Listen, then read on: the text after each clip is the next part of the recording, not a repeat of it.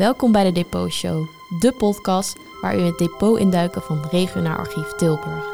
Iedere aflevering richten we onze schijnwerpers op pareltjes uit onze collectie. Van iets wat creepy haarwerkjes en middeleeuwse fragmenten tot lokvogels en mysterieuze passanten.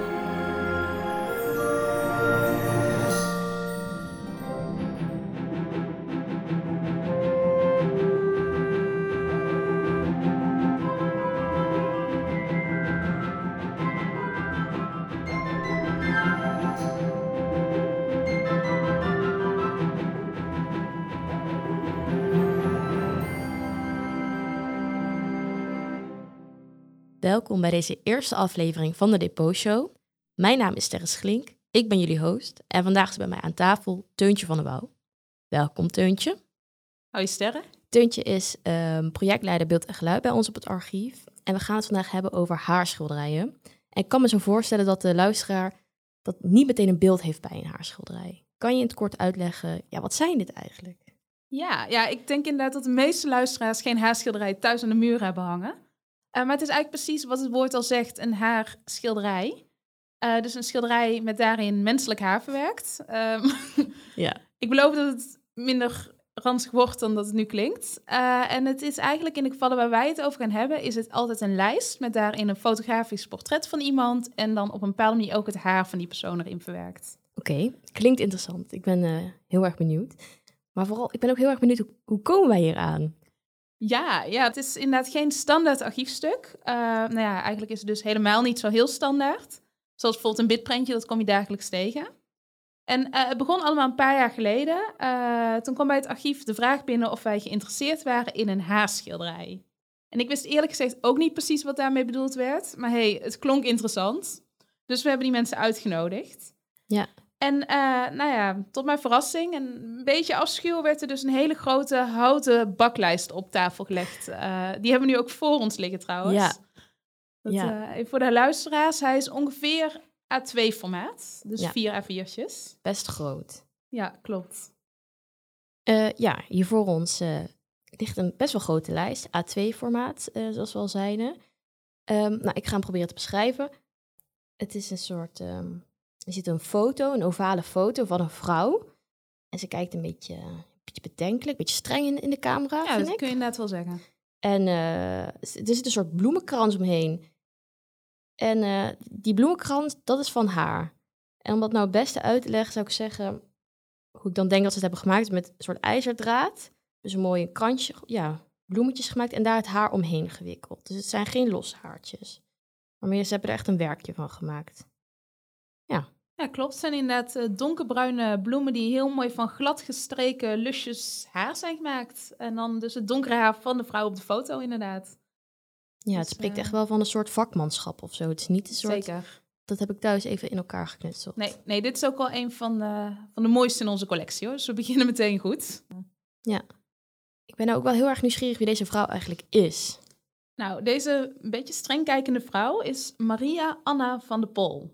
En ik zal later wat meer vertellen over haar leven. Uh, maar we beginnen bij haar dood. Uh, toen ze 56 jaar oud was, lag Maria Anna op een sterfbed sinds jaar 1920. En uh, toen gaf ze zelf nog de opdracht om haar lange haren af te laten knippen, om er dus zo'n herdenkingshaarschilderij van te maken.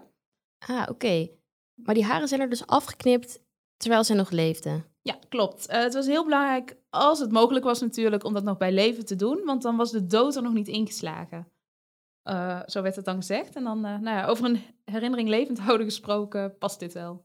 Nou, zo zaten we dus ruim een eeuw later met Maria's kleindochter en achterkleinzoon aan tafel met dit haarwerk. en zo lang was het in de familie bewaard gebleven en dus herinnerd. Ja, ik, ik heb wel een brandende vraag. Waar hing het dan? Hing het bij hun thuis? Het heeft volgens mij een tijdje bij hun thuis gehangen, maar ze heeft ook wel een tijdje op zolder gewoond. En dat had vooral te maken met dat mensen het onder andere door haar blik wat akelig vonden. Ja, ja. Of wat streng. Het is geen opbeurend schilderij om in je woonkamer te hangen waar je iedere dag heel vrolijk van wordt. Nee, ik denk als je de vrouw niet kent en je hebt er geen verhaal bij, geen gevoel bij, dat je het dan misschien een beetje akelig ja. vindt. Dat kan me iets bij ja. voorstellen. Ook is ze wel altijd in haar familie gebleven. Dus het is wel van uh, kinderen op kleinkinderen, Ja. op achterkleinkinderen dus overgegeven. Mooi. Echt een familiestuk. Ja. Ja, en dus het mooie is omdat het een familiestuk was, toen het dus de schenkers op het archief waren, toen vertelden ze ook vol liefde over hun oma en overgrootmoeder. En eh, dat ze dus ook ehm, een zwaar leven heeft gehad, maar wel een heel warm karakter had. Ja. En ik merkte toen die verhalen werden verteld, eh, dat ik dus ook met een andere blik naar dit haarschilderij eh, ging kijken. ja, dat snap ik, ja. En ook langzaam rond te beseffen dat dit niet alleen over de dood ging en iets akeligs, maar juist over iets heel liefs en over het levend houden van een liefdevolle herinnering. Ja. Ja, en sinds dit gesprek ligt het haarschilderij van Maria veilig in het depot van Regionaal Archief Tilburg in een speciaal opgemaakt gemaakte doos. En ze heeft daarnaast dus ook een fascinatie mij losgemaakt voor historisch haar. En ik ben dan dus ook verder gaan zoeken in onze depots. En wat blijkt, in de Tilburgse depots is nog veel meer haar te vinden. En voor zover bekend zijn er maar liefst zes archiefstukken met menselijk haar. Plus, dan hebben we ook nog het beroemdste haarschilderij van Tilburg, namelijk van het vermoorde meisje Marietje Kessels, eh, in de collectie van het Stadsmuseum Tilburg. Ja, ik denk dat eh, de meesten die misschien stiekem wel kennen, want die zit ook op het boek van eh, Ed Schilder Ja, klopt. over Marietje. Ja, en ze komt zo meteen ook nog eh, even terug. En ook even voor het historisch besef. Ons oudste haarwerk waar we het vandaag over gaan hebben is ongeveer van 1975. En het meest recente is van 1953. Oké, oké, een mooie, een mooie tijdperk, zeg maar. Ja, klopt. En dat geeft dus ons ook de kans om aan de hand van deze objecten eh, mooie levensverhalen te vertellen over de mensen die zijn afgebeeld. Maar ook om het te hebben over de bredere traditie van haarschilderijen. Want ze passen namelijk in een groter verhaal. En dat is een verhaal over dood, rouw, maar bovenal de herinnering van geliefden. Ja, mooi. Ik ben heel benieuwd. Maar goed, ik moet wel heel eerlijk toegeven, toen ik het werk voor het eerst zag, want jij kwam binnen, het lag op jouw bureau en je zei, Stella, ik heb weer wat nieuws.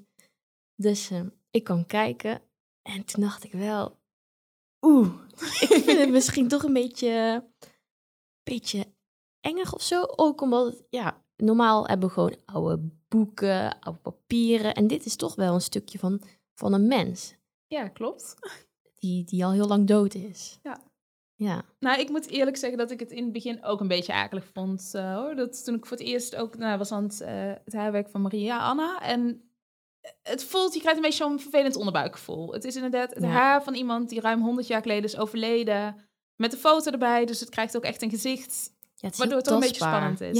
Ja, Klopt. ja, spannend. Dat is echt wel misschien wel het goede woord. Ja. Inderdaad. Maar als je dus dieper die fascinerende wereld induikt eh, van het haar, dan blijkt het dus juist die liefdevolle traditie te zijn en verdwijnt ook dat akelige gevoel.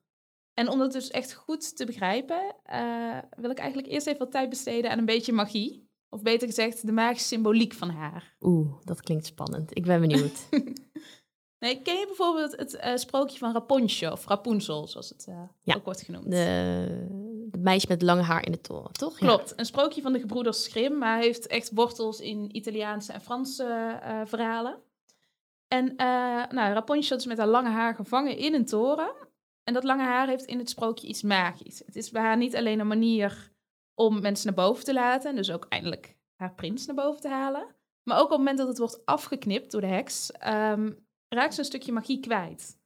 En eh, sommige letterkundigen denken ook dat het afknippen van het haar staat voor volwassenwording. Dus dat het eigenlijk een verhaal is over het volwassen worden. Kijk.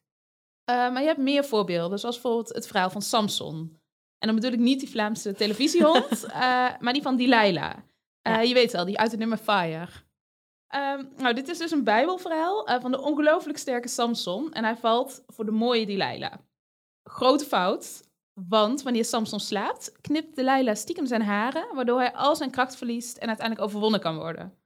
Oké, dus haar heeft een bepaalde kracht. Maar goed, dat zijn verhalen. En hoe zit het in het echte leven?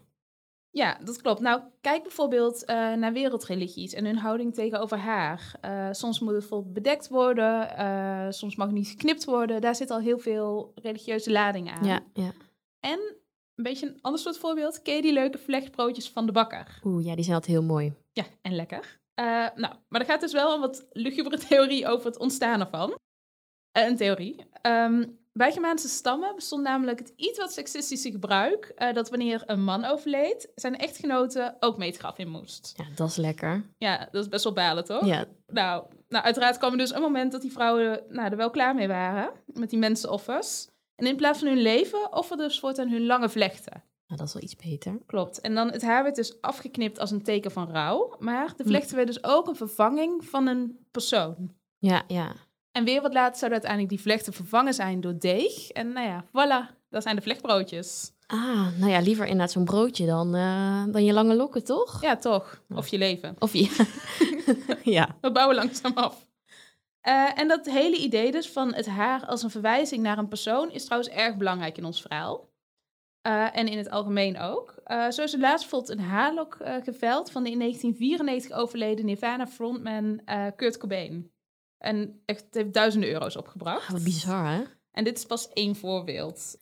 En nou denk je misschien dat dan het bewaren van haarlokken is voorbehouden aan hysterische, iets wat rijke fans. Eh, maar hebben jouw ouders toevallig een lokje haar van jou als baby bewaard? Oh, ja, ik heb zo'n houten doosje met van die, waar je melktandje in zit. Maar ook Ja. zo'nzelfde doosje, iets kleiner voor zo'n haarlokje. Ja, inderdaad. Nou, ik heb dus ook nog een Ah. lokje babyhaar van mezelf. en dus zo vreemd is het eigenlijk niet om haar als aandenken te bewaren. En dat Nee. brengt ons dus ook weer terug bij de haarschilderijen. Want die zijn dus gemaakt om iets te bewaren. En in dit geval dus wel van een overleden geliefde. Ja, maar goed, een lokje haar vind ik toch net wel wat anders dan dat je er uren in steekt om er echt een soort kunstwerk mee te maken. Ja, dat klopt. En eh, om die haarwerk iets beter te begrijpen, hebben we wat historische context nodig. En in dit geval mogen we de romantiek hiervoor bedanken, voor deze ontwikkeling. Oké, help me even. 19e eeuw, toch? Zeker. Ja. De 19e eeuw inderdaad. En eh, het was een stroming die ontstond als reactie op de rationele verlichting. Waar alles om het verstand draaide ehm, en op het verklaarbare. En dus aan het eind van de 18e eeuw stond ju- ontstond juist een interesse in het irrationele. In de emoties, het persoonlijke, de liefde, maar ook het onverklaarbare, zoals de mysterieuze dood. En Ja. hierin zien we ook duidelijk dat haar een symbolische rol speelt. Wat anders oppakken met de liefde. Ja, graag. Eh, we weten namelijk dat mensen al eeuwenlang het haar van een geliefde bij zich dragen. Maar in de romantiek neemt dit echt kunstige vormen aan. Een van mijn favoriete voorbeelden is het lover's eye, eh, het oog van de geliefde. Klinkt mooi. Ja, heel poëtisch hè? Ja. Eh, Het is ook wel mooi. Het is vaak een broche of een, eh, een, een hanger. eh, Aan waarop- ketting dan. aan een ketting of een broche die opgespeld wordt. met erop aan één zijde een portret van de ogen van je geliefde. Oh, Dus soms twee ogen, soms één oog. En dan heel gedetailleerd. Dat je altijd de blik van je grote oh, liefde wat bij houdt. romantisch. Inderdaad. En dan staat er aan de andere kant een lokje haar van je geliefde. Zodat je hem ook fysiek bij je kon dragen. Gaaf. Hebben we hier een foto van? Dat de luisteraars thuis... Ja, zeker. Die kan online eh, worden gezet. Ja, dat is misschien wel even goed om te melden. We zijn natuurlijk heel druk bezig met alles voor je te beschrijven. Want helaas, een podcast is zonder beeld.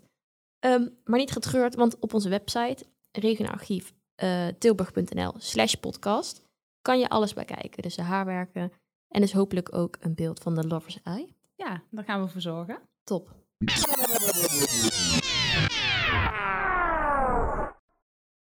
Sorry dat ik even inbreek. Dit is Sterren uit de toekomst. Ik zeg net heel enthousiast dat we een podcast-website hebben. Die komt eraan, maar die staat helaas nog niet online. In plaats daarvan hebben we nu tijdelijk een blogbericht per aflevering, waarbij we alle links, foto's ehm, en informatie per aflevering op een rijtje hebben gezet. Die vind je gewoon op onze website www.regionaalarchieftilburg.nl. En een link vind je ook beneden in de show notes. Ga dat zeker even checken. Ehm, en nu terug naar de aflevering. En het is nu inderdaad heel romantisch. Maar het was niet altijd in een romantische context dat iemand iemands haar bewaarde. We zien bijvoorbeeld ook eh, onder familieleden. Er zijn bijvoorbeeld twee armbanden van zussen die elkaars portret en haar zo bij elkaar konden dragen. Oh, wauw. Eh, maar ook bijvoorbeeld onder goede vrienden, als teken van vriendschap. En eh, met een lokje haar kon je dus een afwezige geliefde altijd bijhouden. En dat geldt bij leven, maar ook bij dood. Dus we zijn weer terug bij de dood. nou, naast de symbolische waarde van haar, heeft het gebruik van haar als aandenken ook een hele praktische reden. Het vergaat namelijk niet. Ah, ja. Ja, want waar een lichaam eigenlijk direct na het overlijden al in verval raakt, blijft het haar eh, intact. En dat is bijvoorbeeld in tegenstelling tot botten heel makkelijk af te knippen, anders wordt het ook zo'n rommeltje. Ja, en bot is ook wel een beetje freaky om te bewaren. En een leuk haarlokje is nog wel Klopt. Plus je kent het haar van, nou ja, van de persoon bij leven, dus het is Ja. daardoor eigenlijk de perfecte basis voor een herinneringsobject. Ja, zeker. En eh, onder de invloed van die romantiek waar we het over hadden, zie je dat er ook steeds meer ruimte komt eh, voor rouw. Dat gaat namelijk automatisch samen met die interesse in de dood. En die rouw wordt steeds groter en openbaarder. Dus het mag meer zichtbaar worden. En Ja. dat brengt ons terug bij jouw vraag van hoe wordt nu een haarlok een haarschilderij? Hierin ligt daar de basis. Dus dat die rouwbeleving groter wordt met meer drama. Dus nou, Ja. hoe wil je meer drama krijgen dan in een haarschilderij? dat klinkt wel redelijk eh, dramatisch, ja. Nee, dat klopt. En eh, we zien dus ook dat die interesse in de verwerking van haar van geliefden steeds groter wordt eh, in die eh, 19e eeuw. En dat is onder andere te zien doordat er steeds meer ambachtslieden gespecialiseerd raakten in de verwerking van haar. Dat zien we bijvoorbeeld bij rondreizende handwerklieden, die dan vooral ook uit Zweden kwam een hele delegatie. Oké. eh, die dus gespecialiseerd waren in het verwerken van haar Ja, in haarschilderijen, maar bijvoorbeeld ook in, eh, in sieraden. Maar bijvoorbeeld ook, denk aan pruikenmakers of eh, kloosterzusters. Ja. Een nadeel van het uitbesteden van je haarschilderij was alleen dat je dan erop moest vertrouwen dat je ook een haarwerk kreeg in het haar van degene. ah, dat er niet mee gesjoemeld werd of zo. Inderdaad, ja. klopt. We gaan bijvoorbeeld verhalen over dat er paardenharen werd gebruikt. Ah, Eh, want er is namelijk veel haar nodig om een mooi haarschilderij te maken. ja, als opvulling Dus dan knip je gewoon even je, je, je paardje kaal en dan... eh, Pony. je pony. Knip je even je pony. Eh, dus dat zien we ontstaan in Europa. En dat dus die twijfel over of het dan echt was, ehm, was een hele goede oplossing voor. Namelijk, do it yourself. Doe het jezelf project. ja, en eh, het leuke is dus dat er eh, handboeken bewaard zijn. Ah, eh, waarin heel precies wordt beschreven hoe jij haar omtovert tot de mooiste sieraden. Dus denk aan gevlochten armbandjes, een gevlochten ketting of hele mooie oorbellen. Fascinerend. Ja, het is geweldig. Of dus een haarschilderij. Ah, En mocht je nu denken, nou, dit wil ik. of ja, je zoekt een nieuwe hobby. Dat, dat nou, kan. Het kan, inderdaad. De handboeken zijn gewoon te vinden op internet. Uh, Ja. En er is zelfs een Nederlandse uh, handleiding in het tijdschrift uh, Penelope. Is ongeveer tussen 1821 en 1835 ook een artikel gepubliceerd over de verwerking van haar. En wat lees je daar nou in? Nou, onder andere dat je haar heel erg goed moet wassen van tevoren, zodat alle bacteriën dood zijn. Klinkt wel logisch, ja. Ja, zodat het niet, uh, toch niet alsnog vergaat. Maar bijvoorbeeld ook alle vlechttechnieken, knooptechnieken uh, en materialen die je daarvoor kunt gebruiken. Oké. Okay. Maar ook die door jou vervoerde techniek van uh, het oh, fijnknippen van de haartjes. haartjes. Ja. ja, het fijnknippen van de haar en dan verlijmen. En dus ook ja. welke lijm je dan kan gebruiken of hoe je je lijm moet maken. Uh, kortom, heel veel informatie over de verwerking van haar. En het interessante is dus dat deze boeken een Europees verschijnsel zijn. Ja. En via die boeken en die ambachtslieden is ook uh, de kennis over haarwerken is dus nou ja, rondgaan door heel Europa en Amerika. En zo uiteindelijk ook in Tilburg terechtgekomen. Ja.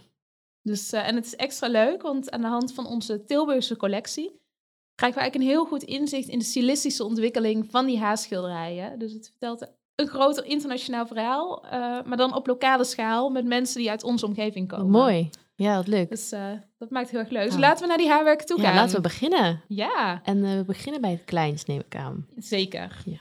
ja. voor mij hier op tafel ligt een bitprentje. Nou, ik denk dat veel mensen wel eens een bitprentje hebben gezien. Zo niet, het is een soort klein kaartje met de naam van de overleden persoon erop. En vaak ook een plaatje en een tekstje. En dat krijg je, wordt uitgereikt bij een begrafenis, toch? Ja, meestal bij een uitvaart. Bij een uitvaart. ter herinnering. Ja.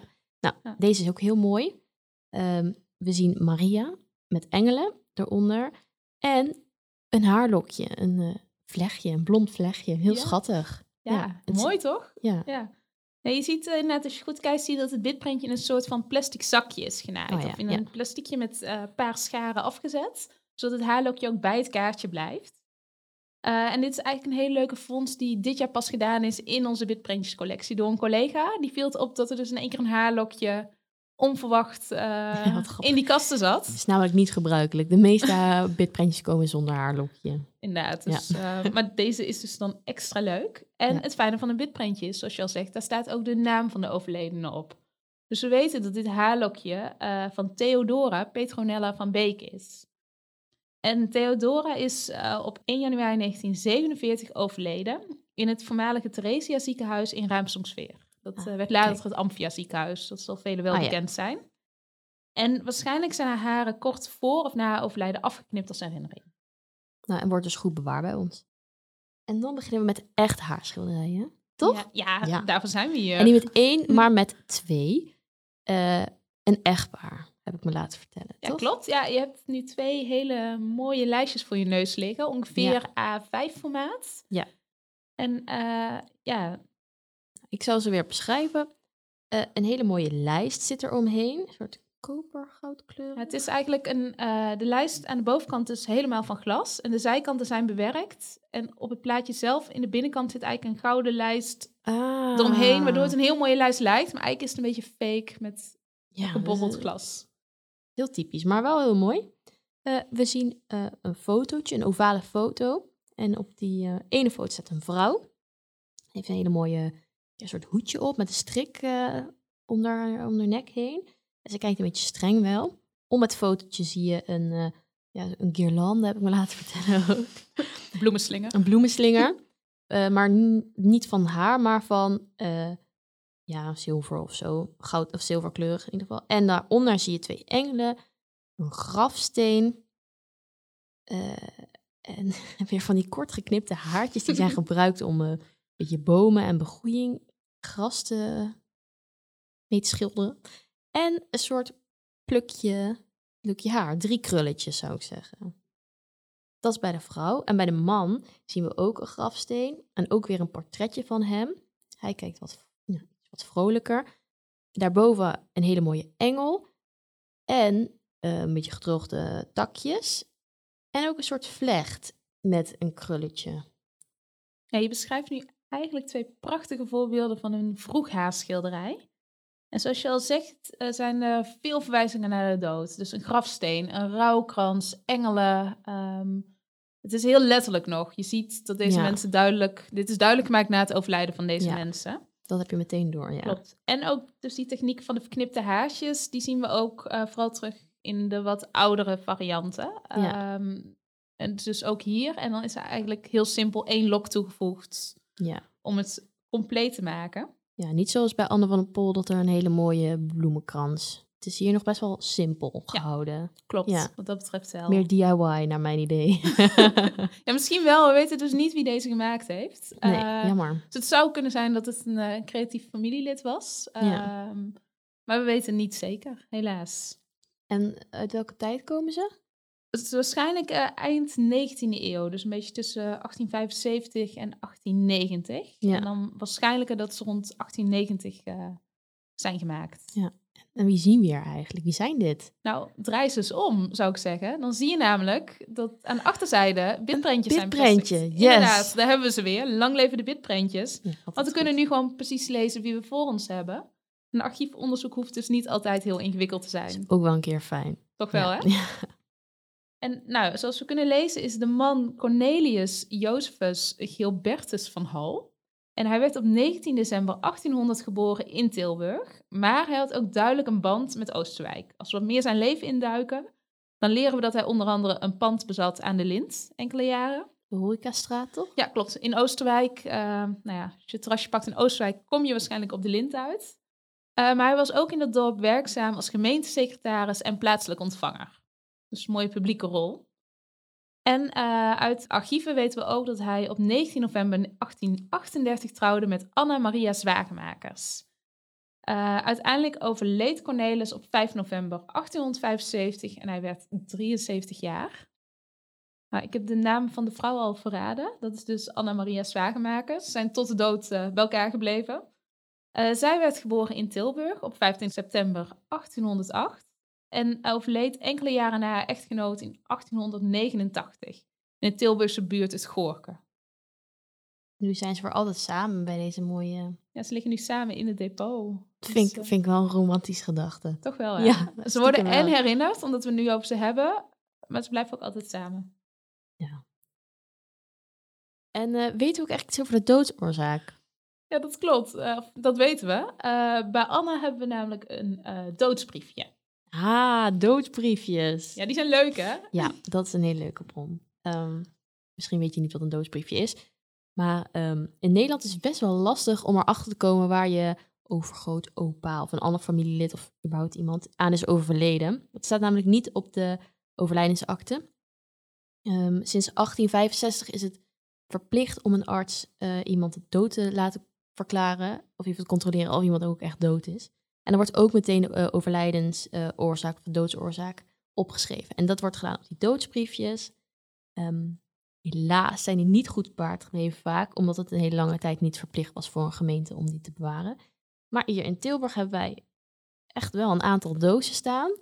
En van een aantal andere gemeenten en dorpen ook. Dus het is zeker de moeite waard om een keer uh, langs te komen of ze op te vragen. Volgens mij worden Zijn ze... gedigitaliseerd. Nou, ze worden zelfs. Nou, je kan het zelfs vanaf je thuis, vanaf je computer even opzoeken.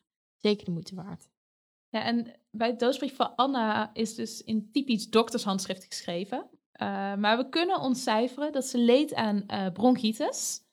Maar uiteindelijk overleed aan paralysis pulmonum. Ik doe nu net of ik weet wat ik zeg. maar het, betekent, ja, het betekent een longvlamming. Ah, dus okay. uh, dit komt vaak voor bij een longembolie of een longedeem. Ah, Oké. Okay. Dus dat maakt ook dat je dit soort haarschilderijen beter kunt plaatsen. En dat het verhaal iets meer gaat leven met dit soort uh, archiefbronnen. Ja, zeker. En um, nou ja, deze werken zijn natuurlijk heel erg interessant. Uh, maar we zijn hier voor meer haar, toch? Ja, Eigenlijk. zeker. het is nog een beetje simpel hoe het haar is verwerkt. En, nou, uh, dat snap ik. En dan neem ik je dus even mee op een klein uitstapje naar Stadsmuseum Tilburg. Ah, onze collega's. Ja, Leuk. en die hebben ook een prachtig depot. En hier ligt het haarwerk van Marietje Kessels. Ja, die kennen veel mensen wel. Inderdaad. Het Tilburgse meisje dat in 1900 vermoord werd aangetroffen in de Noordhoekse kerk. Ja. En um, nou ja, het is een groot haarwerk ook. Ook bijna net zo groot als dat uh, van mevrouw van der Pol. Bijna A2-formaat. Zo, ja. ja. Alleen dan in een ovale lijst, niet in een rechthoekige. Ja, met zo'n mooie bol. Uh, Klopt, gebold glas. Ja, gaaf. Inderdaad. En je hebt eigenlijk rechtsonder een klein portretje van Marietje. En aan de linkerkant een hele mooie bloemenslinger uh, gevlochten van haar haar. Ja. Uh, maar ook versierd met kraaltjes. En boven het portretje van Marietje staat een afbeelding van een engel die een ziel naar de hemel lijkt te brengen. Ja. Het mooie is aan het werk van Marietje is dat het dus de overgang tussen de twee stijlen laat zien. Het heeft Ja. die elementen van de dood, zoals de engel uh, van het echtpaar. Um, Maar niet meer zo duidelijk als die doodskist. Of nee, ja, de inderdaad. graven, zeg het is maar. al minder letterlijk. Ja, En dan wel een hele mooie, uh, rijkelijke, ambachtelijke bloemenslinger erbij van het haar. ja, ook met die strikjes, toch? Ja, klopt. Ja, Ja, ja. het is een prachtig, uh, prachtig werk. En um, ja, dat maakt het heel interessant. En het leuke is dat we vanuit Marietje met een heel kort bruggetje naar Maria Anna van der Pol kunnen. Het haarwerk uit het begin van deze podcast. Leuk. Ik uh, ben wel benieuwd, dat bruggetje. De getuige, of een getuige in de moordzaak uh, van Marietje was Adrianus Franciscus van Riel. Mm -hmm. En dit was weer de echtgenoot van Maria. Oh. Ja, zo. kleine wereld. Nou, dat lijkt maar weer zo. Ja, en uh, helaas zorgde Van Riel uh, met zijn getuigenis niet voor een doorbraak in de zaak van Marietje. De zaak is namelijk nooit opgelost. Ja. Uh, en hij trok zijn getuigenis in, waarschijnlijk onder druk van de katholieke kerk. Ja, triest. Als we dan kijken naar het huwelijk tussen Franciscus en Maria, dan weten we ook dat dat niet zijn gelukkig huwelijk was, helaas. Want zie je die zware blik van Maria op de foto? Ja, daar hadden we het al eerder even over. Hè? Ze kijkt niet heel erg vrolijk. Nee, klopt. En het zou kunnen zijn, dit is interpretatie, uh, dat het komt door de zorgen over de alcoholproblemen van haar echtgenoot. Ah, maar ze was ook verantwoordelijk voor elf kinderen. Zo. Dus het was ja, een zwaar leven. Ja, zeg dat. Ja. En uh, zoals we ook in het begin van de podcast hadden besproken, uh, gaf Maria nog tijdens haar leven de opdracht om haar haar te laten knippen voor een haarschilderij. En hieruit kunnen we ook voorzichtig opmaken dat ze dus haar eigen dood aan zag komen. En daarom heb ik ook het doodsbriefje van Maria opgevist uit het archief. En als verklaring van overlijden lezen we hier pneu pneumonie. Mijn medische termen zijn niet mijn sterkste punt. Nee, maar we zijn ook geen uh, artsen. Nee, nee, gelukkig niet. Um, maar dat betekent dus longontsteking. Um, ah. En dat maakt het inderdaad aannemelijk dat ze op haar sterfbed al bewust kon nadenken over wat ze na wou laten. Maar wat bijzonder zeg, dat ze dacht. Ja, ja wow. klopt. En we weten dus ook echt van familieleden dat dit zo gegaan is. Dus, ah. uh, en nou ja, het resultaat van die nalatenschap, die ligt nu voor onze neus. Ja. En het is werkelijk prachtig. Kijk ja, eens naar die details. Echt heel erg mooi. Ja. Oh nee, ik zie weer die korte haartjes. Dit had ik nog helemaal niet gezien. Ja, onder het portret, onder het portret staat inderdaad het woordje rib, uh, rust in vrede. En dat is weer gemaakt van verknipte haartjes die zijn vastgelijmd. Maar ik ga je even afleiden met iets moois. Zie je ook die korenaren uh, onderaan de bloemenslinger? Ja. Als je goed kijkt, zie je dat er uh, eigenlijk sprietjes uitgaan. En die zijn gemaakt van grijs haar. Ja, wat bizar. Wat een Ja. details. Ja, het is geweldig. Echt. Wat, nou, het is wel echt, echt ambacht. Dit heb je, ik, ja, dit hebben die Ursulinnen gedaan, toch? Eh, nee, dit zijn waarschijnlijk eh, de zusters van het klooster aan de Oude Dijk Oh, in Tilburg. ja. Achter de huidige Schouwburg eh, ja, daar. ja, ja. Maar dat weten we niet helemaal zeker. Maar, Maar, dit, dit, is echt ambacht. ja, je ziet wel iemand die echt veel tijd in heeft gestoken. En dit, ik kan me niet voorstellen dat het dit de eerste keer was. Nee, klopt. Dit ziet er waanzinnig mooi Ja. uit. En zeker als je bedenkt eh, dat het in eh, 1920 is overleden. het is meer dan 100 jaar oud en het ziet er Ja. fantastisch uit nog Het steeds. is echt, echt een hele mooie staat. Ja. Klopt. En nou, dit is dus een haarwerk uit 1920. En ik heb uit ongeveer dezelfde periode nog een haarschilderij eh, bij me. Eh, kijk eens mee naar dit portret van, hou je vast, Celestina, Anna, Francisca, Theresia, Carolina, Philips. Hele mond vol. Ja, en dit portret is wel anders. Ja, mooi hè? Ja, heel mooi. Veel fleuriger. Letterlijk bijna. Ja, en dat komt dus omdat er eh, viooltjes op staan, geschilderd. In eh, hele mooie paarse tinten en een beetje zo geel-bruin. Ik denk dat veel mensen die wel kennen. Is, ja, echt heel gaaf. Mooi gedaan. En het is inderdaad een heel mooie grote rechthoekige lijst. Ongeveer eh, ja, een ruime A3. En we Ja. zien net boven het midden een portretfoto weer eh, van Celestina. Een hele mooie zwart-wit foto waar ze heel statig op staat. En rondom het portret zijn inderdaad die viooltjes geschilderd. Met daaronder eh, in calligrafie in memoriam eh, geschreven. En het leuke is dus dat die geschilderde viooltjes, die spiegelen weer met een eh, bruine bloemenslinger onderin de lijst. En dat is dus haarwerk. Ja, Dat, dus als je heel goed kijkt, zie je ook dat de haartjes eromheen zijn gedraaid. Een soort takje. ja ik denk dat een- er metaal onder zit waar de haar omheen zijn Ja. eh, gedraaid. het is echt heel glad, heel mooi. En er zit ook Ja. zo'n onderaan weer een strikje. En daarom onder heb je dus echt wel weer zo'n haarflosje. Ja. En daar zie je dus wel echt heel goed dat het dus echt haar is. En die bloemen zijn zo mooi glad gemaakt dat, dat je dat bijna over het hoofd ziet of zo. Klopt. Klopt, het is eh, wat subtieler wat dat Ja. betreft. En eh, over die viooltjes, dat eh, is een theorie dat die symboliseert misschien de bescheidenheid eh, van Oh, ja. Celestina. Want hey, als vrouw vroeger moest je bescheiden Ja, zijn. dat was een hele goeie als je bescheiden was. Ja. Inderdaad. Nou, dan even kort iets over Celestina zelf, behalve dat ze dan heel bescheiden was. Ze werd geboren op 15 januari 1871 in Ossenrecht. Dat is een dorp in het uiterste zuidwesten van Brabant, onder Bergen op Zoom. Nou, de liefde bracht haar uiteindelijk naar Tilburg. eh, en ze trouwde in 1894 met de Tilburgse slagerszoon Everardus Herculijns. Zijn achternaam zegt waarschijnlijk veel mensen in Tilburg nog iets. En onder Everardus verhuisde de bekende slager van zijn familie, onder andere van de Oude Markt, eh, dus bij de Heikense Kerk, naar het pand eh, in de Nieuwlandstraat. Zit hij er nog steeds? Nee, niet meer. Maar, het pand staat er ah, nog het wel. pand wel. Ja. Leuk. Het huwelijk tussen de slagerszoon en de Ossendrechtse was hopelijk gelukkig, maar dat weten we niet precies. Eh, het was Nee. in ieder geval niet heel erg lang. Eh, Celestina werd namelijk na een koetsritje vanuit Oosterwijk plotseling ziek. Oh nee. Ja, en ze overleed enkele dagen later op 6 augustus 1918. Hm. Bij kennis van historische ziektes gaat er misschien een belletje rinkelen bij deze datum. Of bij het jaar vooral. ja. Ja, want als we het doodsbriefje van Celestina erbij pakken, dan lezen we namelijk in een rommelig handschrift de doodsoorzaak. Spaanse griep. Inderdaad, de Spaanse griep. Deze wereldwijde epidemie, eh, of nou, pandemie mogen we dan zeggen, Ja. ja, weten we tegenwoordig, maakte tussen 1918 en 1920 meer slachtoffers dan de Eerste Wereldoorlog. Ja, echt Even een bizar feitje wel. best wel, ik schrok er ook van. En ook in Nederland stierven duizenden mensen, waaronder dus Celestina. Nou, dan maken we even een hele grote sprong in de tijd, weg van de Spaanse griep en van de oorlog, eh, naar 1953. En in deze tijd is de traditie van eh, het haarschilderij al wel op zijn retour. Maar we hebben toch een late versie in ons depot. Oeh. Zie hier Anna, Johanna, Norberta, Vosselaars de Jong. Ja, en deze is iets kleiner dan de andere. Ja, klopt. En heeft een hele mooie lijst. Heel mooi bewerkt. En een soort baklijst, zeg maar. De werk en de foto van, ehm, hoe heet ze? Eh, Anna. Ze heten allemaal Anna. Anna, ook Anna. nou goed, de, ja, deze lijst is wat kleiner en heel mooi versierd, maar het is een soort baklijst, dus het werkje ligt wat dieper. We zien een foto. Ehm, kijken. een beetje typisch in de camera, sorry. en ze heeft een heel leuk rond brilletje op. Een ziekenfondsbrilletje. Ah, kijk. Dat eh, zegt denk ik veel mensen wel iets. En ze heeft geen guirlande, maar ze heeft gewoon een hele grote bloem. Ja. Ja, met heel veel blaadjes. En daaronder eh, strikjes. Heel mooi. Roze strikjes. Roze zelfs strikjes, lichtroze. Ja. Ja, deze is inderdaad ook weer heel bijzonder. Het is een wat bescheiden lijstje naar de grotere werken die we eerst bespraken. En we zien op de foto dus de Tilburgse Anna.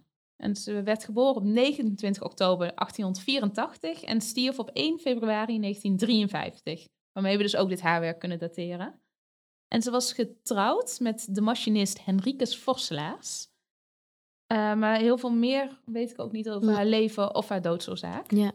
Toch vind ik het belangrijk om dit haarschilderij ook even te noemen. Omdat het dus zo'n mooi voorbeeld is van een aflopende traditie. Vanaf de 20e eeuw worden haarwerken al minder gebruikelijk. En dit heeft vooral te maken met de ontwikkeling van de fotografie. Deze toen nog nieuwe techniek eh, ontwikkelde zich steeds meer tot een eh, goedkoper eh, medium, waardoor het ook betaalbaarder werd voor de gewone mens. Ah ja. Dus het was makkelijk om een portretje te hebben als aandenken. Je hoeft er niet meer helemaal een haarschilderij te maken. Ja, of te laten maken. Inderdaad. Voor, hoeveel geld dan ook het was. Klopt. En daarnaast nam ook de houding tegenover rouw. nou, die veranderde. Dat werd wat ingetogener weer. Ja. En eind jaren 50 van de vorige eeuw verdwijnen haarschilderijen bijna helemaal. Dit wil echter niet zeggen dat dit hele gedachtegoed dan in één keer weg is. Eh, we hebben namelijk nog steeds de behoefte om iets van een overleden geliefde bij ons te houden. Ja. En dit kan een foto zijn, ingelijst of gewoon op je telefoon. Maar denk bijvoorbeeld ook aan sieraden met een vingerafdruk. Ah ja, zo. Dat Ja. is wel echt... Ja, Is vergelijkbaar. ja zeker. Eh, of het bewaren van as eh, in een urn, eh, een sieraad of een, zelfs een tatoeage. Ja. En tijden veranderen en ook onze houding tegenover dood en rouw veranderen. Maar pogingen om een overleden geliefde bij ons te houden, dat lijkt van alle tijden te zijn. Ja. En daarmee kunnen we misschien wel concluderen dat haarschilderijen niet akelig zijn, maar juist een hele begrijpelijke uiting van liefde voor anderen. Ja.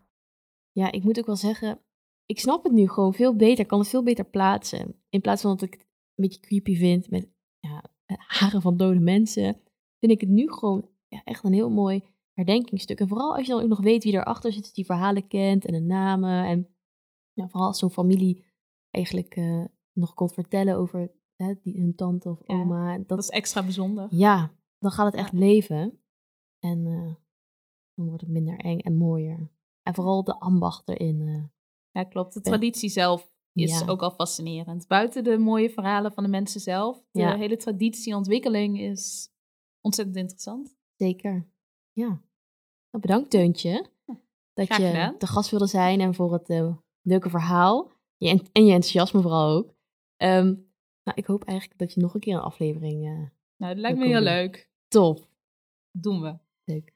Dankjewel. Graag gedaan. Tot slot, heel veel dank aan Ding Dong voor het logo en design. En aan Job van Etten voor de mooie muziek.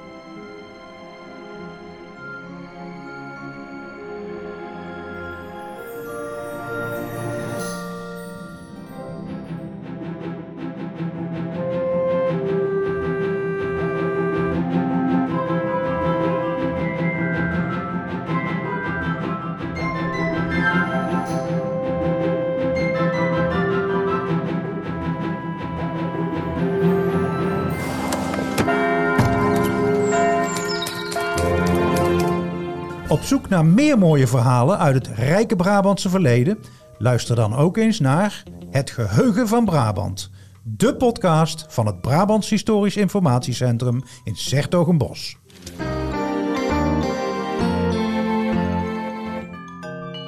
Elke maand een nieuwe aflevering over een historisch thema. Van Brabantse boeven tot de eerste vrouwelijke burgemeester van ons land. En elke aflevering duiken we diep in het dossier Marietje Kessels. Dat en nog veel meer historie uit onze provincie. Neem nou dit. Als ik eh, met enige wellust naar jou kijk, Marilou, en dan hoef ik dat maar vijf seconden vol te houden volgens de theologen, dan heb ik dus een, een doodzonde begaan. Laat je verrassen door bijzondere verhalen uit ons archief en dwaal mee door onze depots met onze reisleider Marilou Nilsen. En ontmoet, naast jou Anton, nog veel meer van onze collega's. Kijk op big.nl slash podcast of in je favoriete podcast app. Daar vind je alle afleveringen van Het Geheugen van Brabant.